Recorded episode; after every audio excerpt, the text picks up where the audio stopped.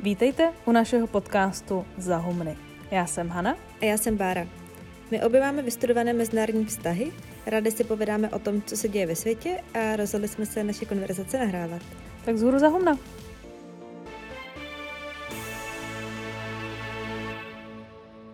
Teď je úterý ráno a my vás vítáme u trochu speciální epizody. My sice připravujeme dlouhodobě jinou epizodu o budoucnosti světového řádu, ale protože jde o takové oposoidní téma, tak nám to trochu trvá a zároveň se dějou věci, ke kterým nám přišla škoda, abychom nic neřekli. Takže my jsme se tady uh, sešli nejenom s Hankou ve studiu, ale sešli jsme se i s Filipem, kterého tady vítáme. Ahoj Filipe. Ahoj. A říkali jsme si, že bychom se pokusili trochu podívat, spíš tak trochu diskuzně na to, co se děje ve Velké Británii. Takže si od světového řádu odskočíme k britskému neřádu. This is becoming comical, if not farcical at the moment. This whole affair is inexcusable. It, it is just it is a pitiful reflection on the Conservative Parliamentary Party at every level. Než začneme, tak uh, já tady mám pár takových uh, produkčních poznámek. Uh, za prvé jsem moc rád, že tady jsem. A za druhé, uh, abych usměrnil uh, tok myšlenek Hanky a Báry, tak jsem si připravil uh, několik otázek. A ta první uh, začíná citátem, tak já s ní začnu. Doufat, že se realita přizpůsobí vašim přáním, je pošetilé. Británie potřebuje stabilní a důvěryhodnou politiku, ne fanatismus. Napsal náš oblíbený komentátor Martin Wolf, když krize, která Listras nakonec stála místo, trvala teprve týden. Tak k čemu v Británii vlastně došlo? Tak úplně aktuálně teď došlo k tomu, že Británie má pátého premiéra za 6 let, ale myslím, že by bylo dobrý si jenom krátce schrnout, jak jsme se vlastně dostali do té situace nejenom skrze Listras, ale co k tomu vlastně všechno vedlo a jak ta nestabilita, která v Británii je, nebo se nám zdá, že tam je a asi tam opravdu je, tak eh, co k ní vlastně přispělo. Myslím, že bychom klidně mohli začít v roce 2010, protože to je mm, rok, kdy konzervativní strana vyhrála poprvé, nebo ne poprvé, ale vyhrála volby a od té doby je u moci, takže konzervativci jsou u moci už 12 let. A Zdá se, že oni jsou tím vládnutím vlastně už trošku vyčerpaní, unavení. Mají hrozně vnitřní rozpory a Rishi Sunak teď má před sebou hrozně velký úkol, který eh, si nejsem jistá, jak moc je zvládnutelný. Což tak... je nový premiér, Rishi Sunak. Ano, Rishi Sunak je teď uh, vlastně pátý premiér konzervativní za šest let. Ten první v tomhle úseku od roku 2010 byl David Cameron, který potom před dalšími volbami v roce 2015 osudně slíbil referendum o vystoupení z Evropské unie, které se pak doopravdy eh, stalo. A od té doby ta nestabilita tam je značná. Ono, když se třeba porovnáme nějaké období předtím, tak za 31 let od Margaret Thatcher dál byl čtyři premiéři, jo, a teďka za těch šest let prostě pět. Takže Cameron po eh, Brexitu nebo po hlasování o Brexitu rezignoval, protože on sám byl uh, za Remain, chtěl v Unii setrvat. I will do everything I can as Prime Minister to steady the ship over the coming weeks and months. But I do not think it would be right for me to try to be the captain that steers our country to its next destination. Nahradila ho Theresa May, ta potom vyhlásila předčasné volby v roce 2017, aby si zajistila mandát pro vlastně svoji vizi Brexitu. Ty volby de facto prohrála, takže ona pak taky odstoupila, nebo ona vyhrála volby, ale s mnohem menší většinou než předtím, takže to bylo uznané jako porážka. I have done everything I can to convince MPs to back that deal. Sadly, I have not been able to do so. I tried three times. A potom ji nahradil Boris Johnson. Ten pak naopak volby vyhrál dost přesvědčivě v roce 2019, ale zlomil mu vás COVID. Třeba Británie zvládla dost rychle očkovat, ale Johnson COVID dost lehčoval a potom se ukázalo, že během těch nejtvrdších lockdownů měl asi 240 různých večírků v Downing Street, takže už se to potom ne- nedalo a nedal to ani politický mák jako Boris Johnson.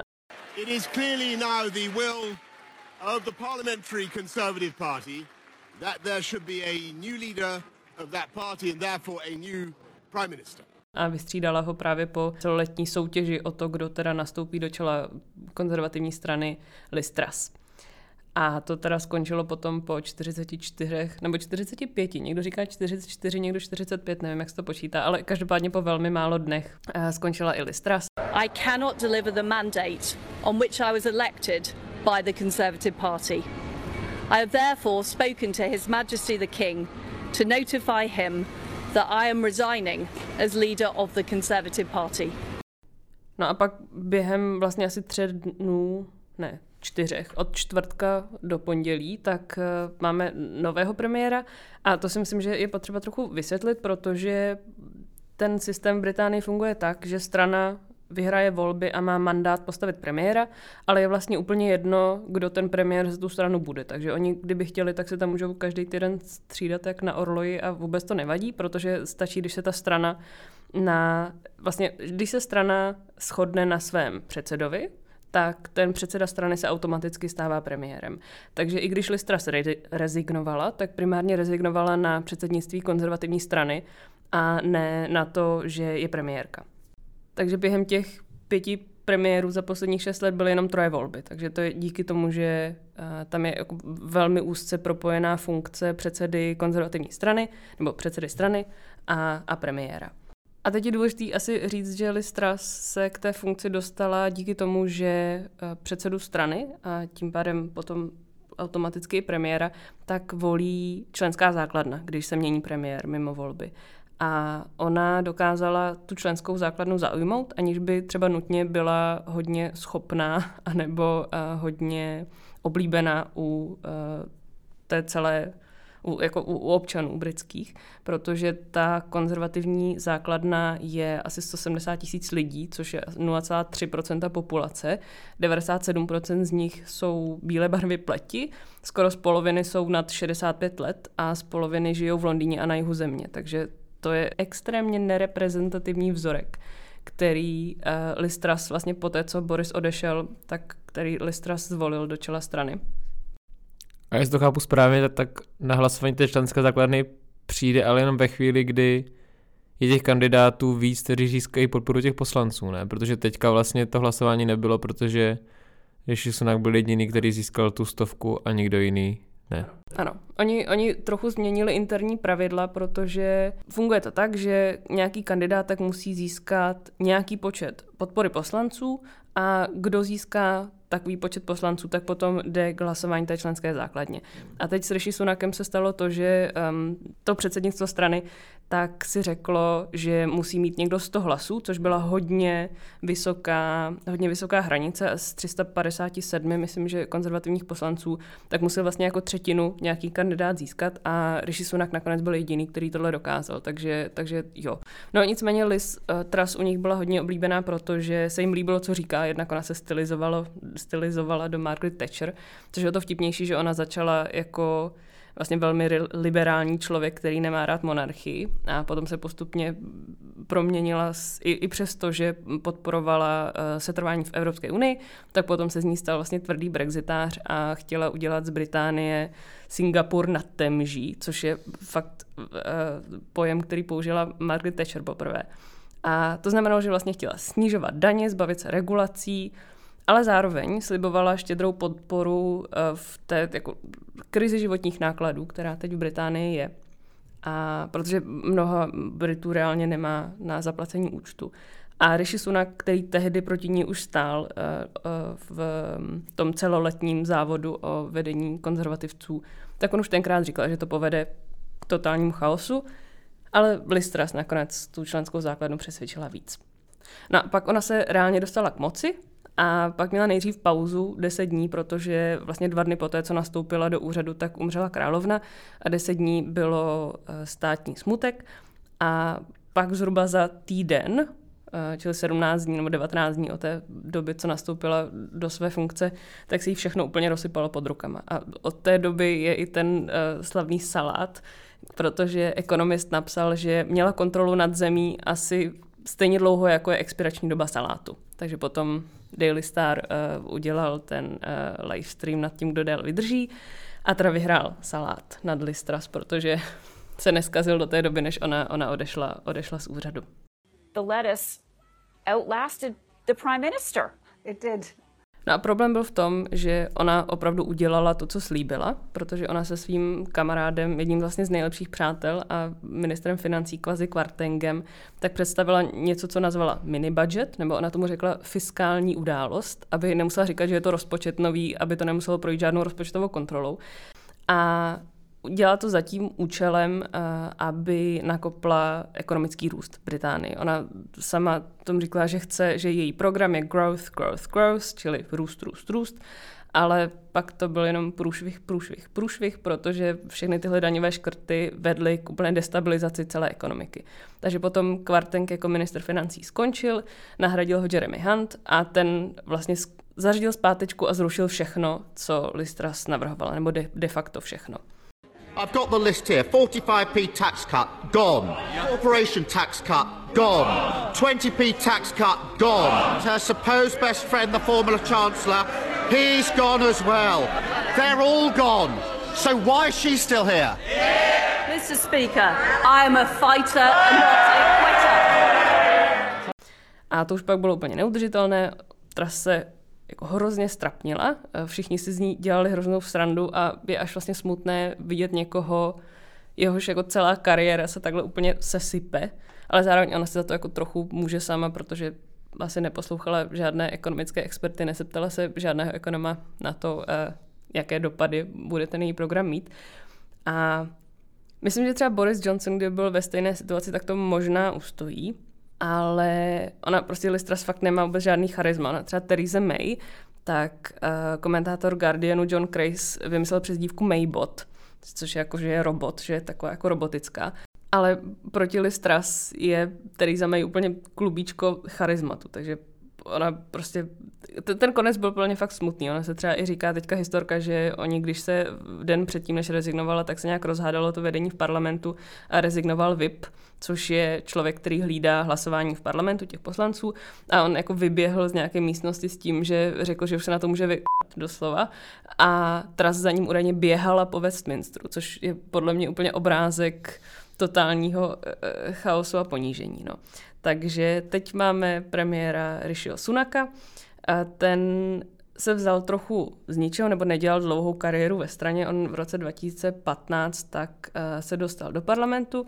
V roce 2020 potom uh, byl ministr financí. Byl velmi populární, protože během uh, covidu dost rozdával. A on už, jak už jsem zmiňovala, tak chtěl být premiérem už v létě, ale pak se ukázalo, že eh, se svojí pohádkově bohatou ženou tak se vyhýbají daním, respektive ona eh, si danila eh, v Indii, odkud pochází a tím pádem se vyhýbala placení daní v Británii, což je trochu hloupý, když je váš manžel minister financí ale teď je na to všechno zapomenuto trochu. On je teda pořád jeden z nejbohatších premiérů vůbec, jeho jmění se odhaduje na asi 730 milionů liber a někdo včera na Twitteru psal, že eh, člověk s průměrnou mzdou v Británii by musel začít pracovat v době kamenné před 22 976 lety, aby tolik vydělal. Takže on je opravdu jako pohádkově bohatý. Ale zase je to první nebílý člověk eh, v křesle premiérském, takže uvidíme, jak se mu bude dařit. Tak to byl úvod, jak jsme se k tomuhle neřádu dostali. A teď mě zajímá, co je vlastně špatného na heslu nízké daně, vysoký růst? Nic, ne? To je, to, to chceš, nízké daně a vysoký růst. Jo, já, já to chci, ale proč to nemám?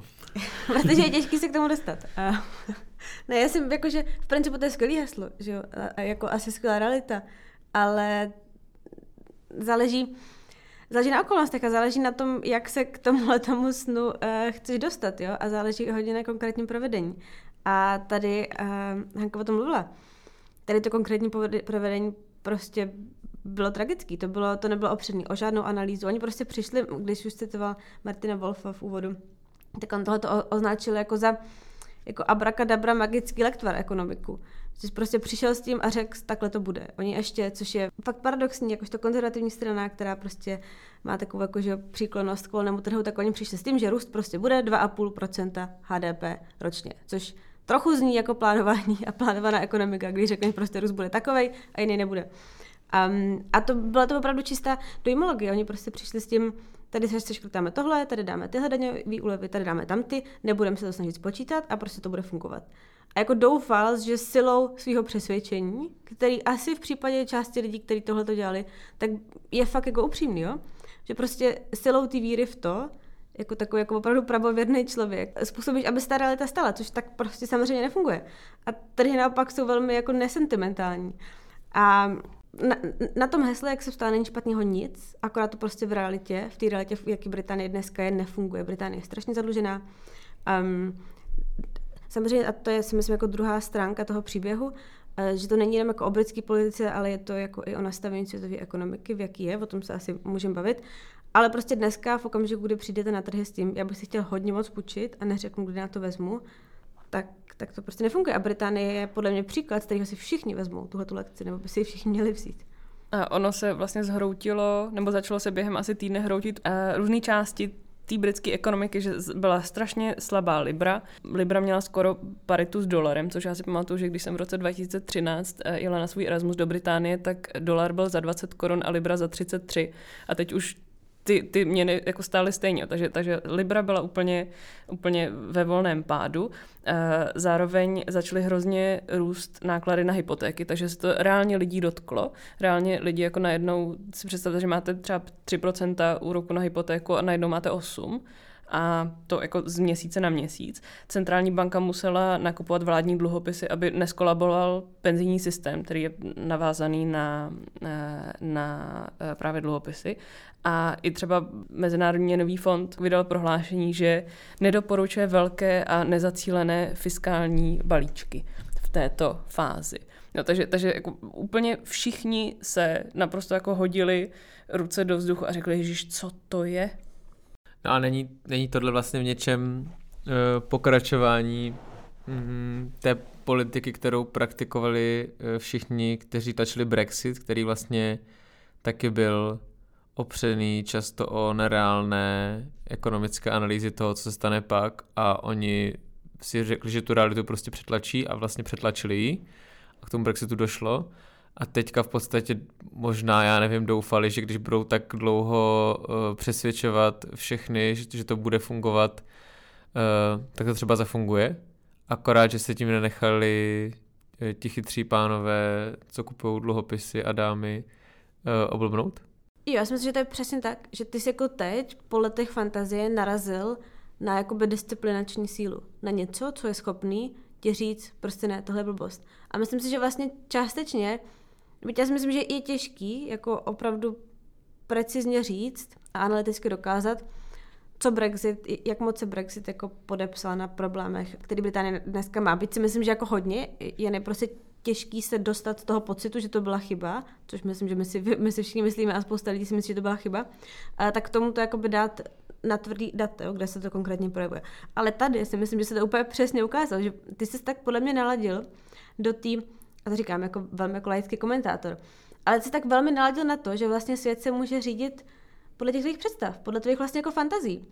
A že ty jste lidi přesvědčili, když, když se jako lhal a odešli z té Británie. A ty si prostě vydopal tu nějakou dohodu s Evropskou unii.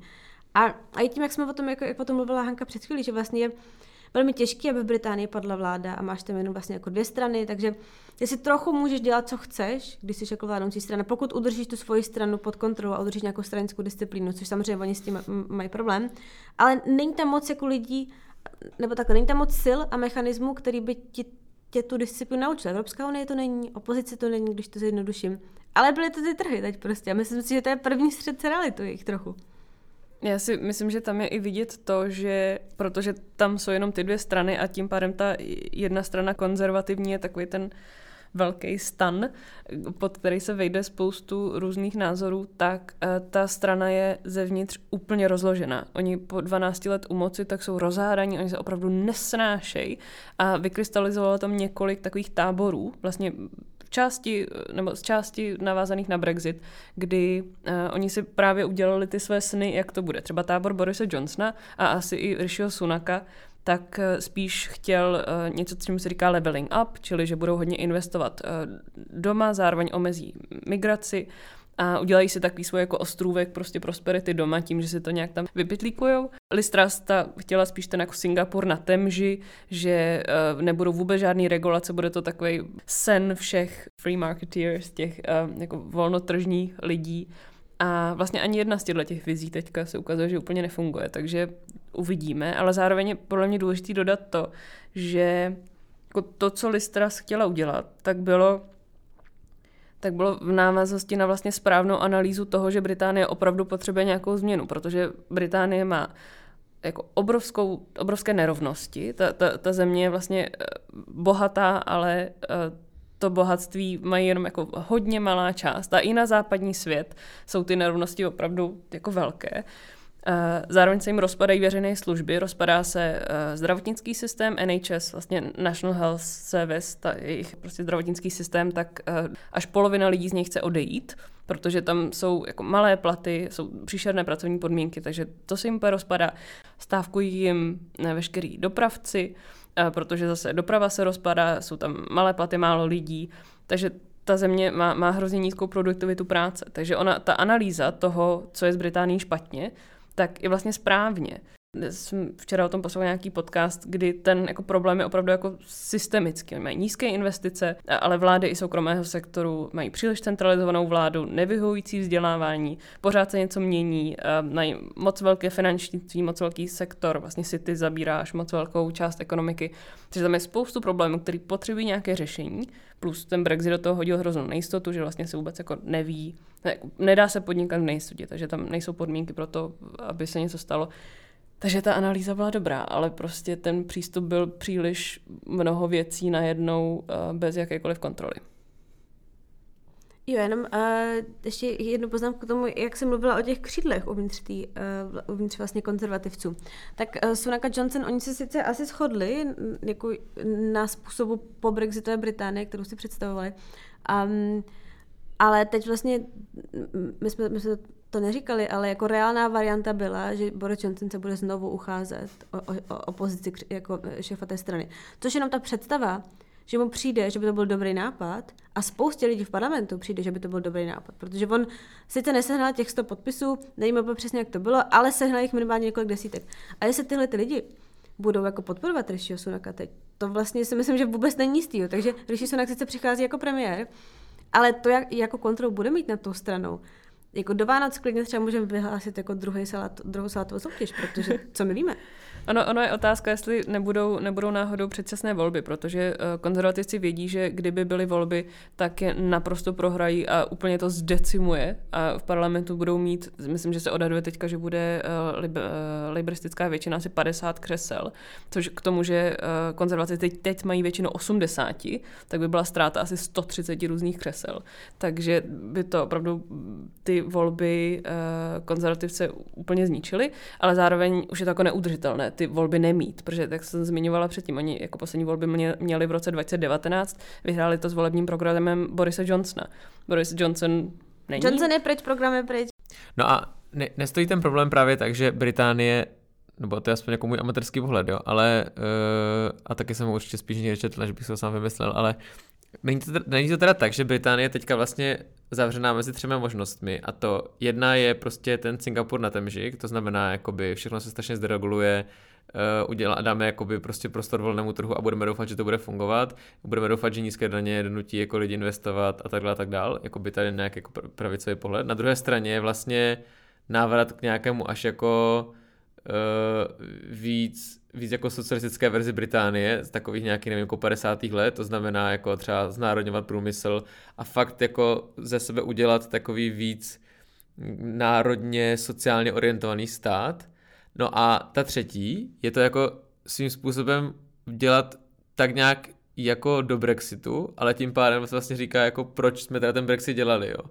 Ale já nevím, jestli britští voliči vlastně, jestli dokážou konzervativci přesvědčit britské voliče o tom, že jako mají chtít tady ten Singapur na temži, když spousta z nich, kteří je třeba volili ty minulé volby, tak tohle určitě nechce a protože ví, že by to třeba připravilo o práci a o nějaké jako jistoty a benefity.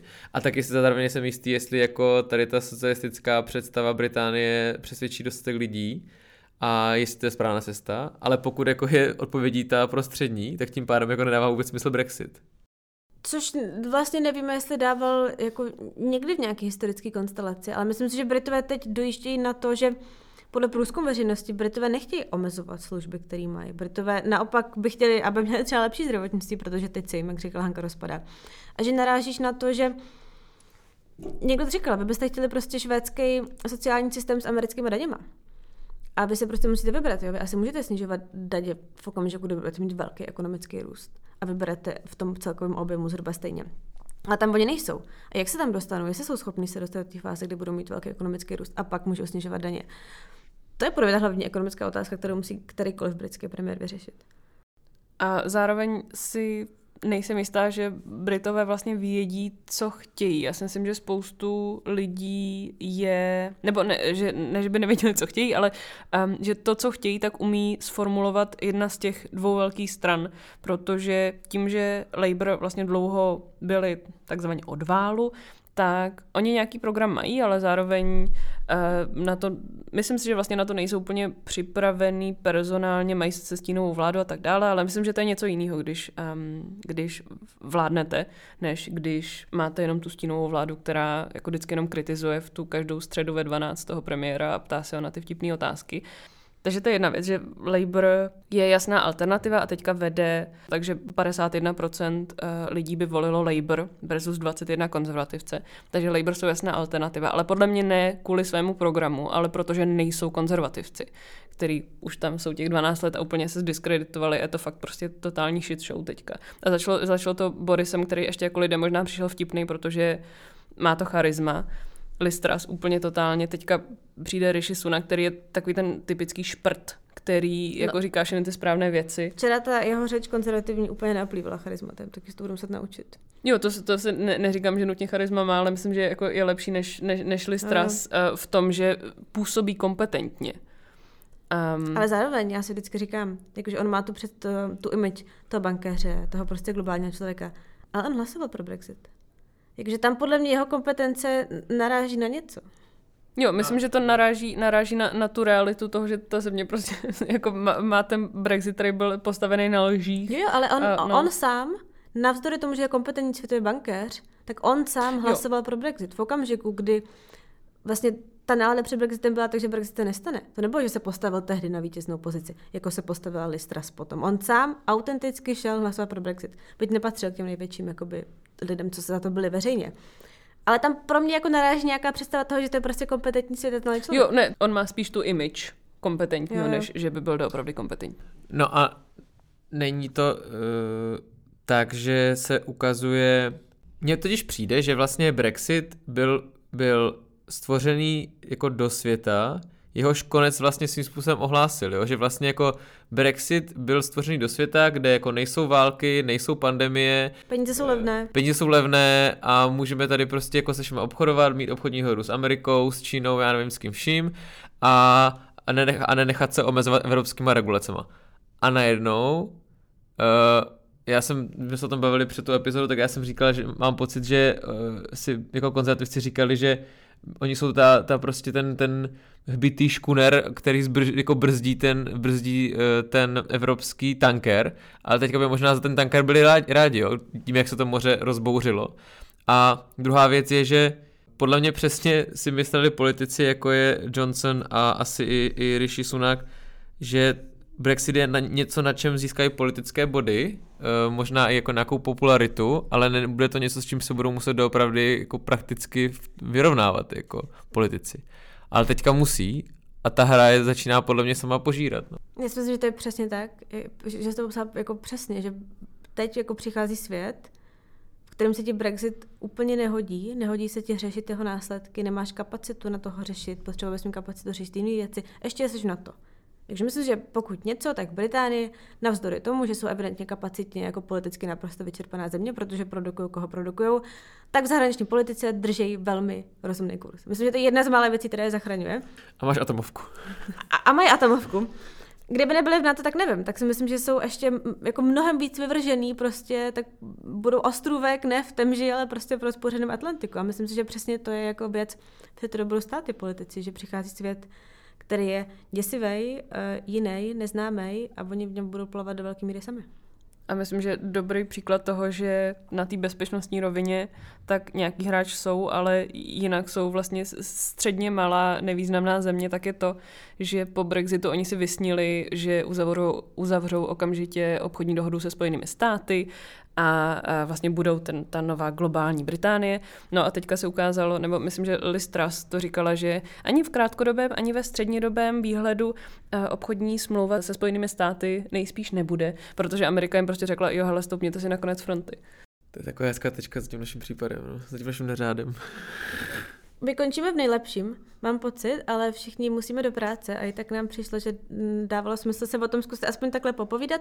Myslím si, že um, pokud situace bude pokračovat tak jako do posud, tak třeba příležitost takovýmhle emergency raním povídacím epizodám bude. Každopádně mi moc děkujeme, Filipa, že jsi přišel a budeme se těšit zase na tvoji příští návštěvu v Humnech. Eh, já jsem moc rád přišel a chtěl jsem říct, ať všichni eh, sledujete eh, Hanky newsletter a Báry články a mějte pěkné ráno, odpoledne, večer nebo kdy tento podcast budete poslouchat. Reklamní okénko jsme ještě neměli v podcastu. Každopádně my ještě jednou moc děkujeme za poslech a pokud nám chcete něco napsat, tak můžete jako vždycky na e-mail vzhůru zavináč.gmail.com na naše Instagramy Háňule nebo potřítko Bramborová a nebo na náš Twitter za potřítko Humny. Takže děkujeme za poslech a uslyšíme se příště.